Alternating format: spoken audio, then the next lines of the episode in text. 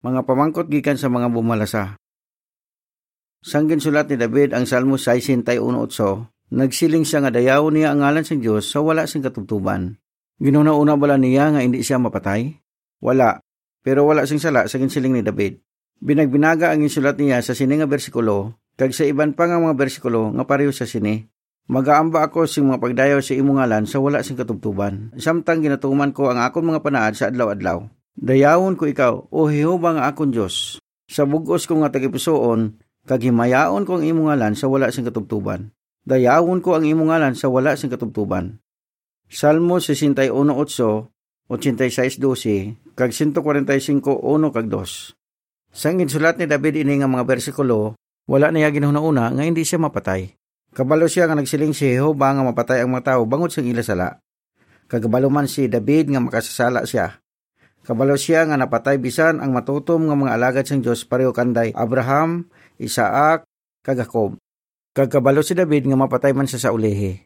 Pero ang insulat niya sa Salmo 61.8, nagapakita nga gusto niya nga dayawon ang Dios sa wala sing katubtuban o kung samtang buhi siya. Ang pila sa mga ginsulat ni David, parte mismo sa iya kabuhi kag mga eksperyensya. Pareho sa mabasa naton sa superscription sang Salmo 18, 51 kag 52. Sa Salmo 23 ginlaragway ni David si Jehova bilang isa ka manugbantay nga nagahatag sang giya, paumpaw kag pangamlik. Amuman sini nga klase sang manugbantay si David kag gusto niya nga alagaron ang Dios sa bugos niya nga kabuhi. Salmo 23:6. Dumdumaman nga si Jehova ang nagtoy-toy kay David sa pagsulat. Nalakip sa iya mga ginsulat ang mga tagna parte sa matabo sa palabuton. Halimbawa, sa Salmo 110, ginsulat ni David nga magabot ang tion nga ang iya Ginoo magapungko sa tuos ang Dios sa langit kag makabaton sang dako nga gahom. Nga para magahom sa tunga sa mga kaaway sang Dios kag para hukman ang mga pungsod sa duta. Si David ang isa sa mga katigulangan ni Jesus nga amo ang Mesiyas. Magagahom sa langit ang Mesiyas kag mangin saserdote siya sa wala sing katubtuban.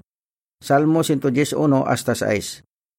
Nagsiling si Jesus nga parte sa iya ang tagna sa Salmo 110 kag matuman ini sa palabuton. Ginto ito yan si David sa pagsulat parte sa iya tion kag parte sa tion sa palabuton. Sa sinanga tion banahon siya kag madayo na niya si Huba sing wala sing katubtuban.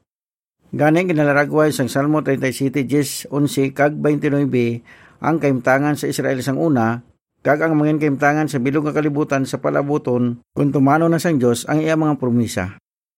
Gani ano ang butsilingon sang Salmo 61.8 kag sang iban pa nga mga bersikulo nga pareho sa sini?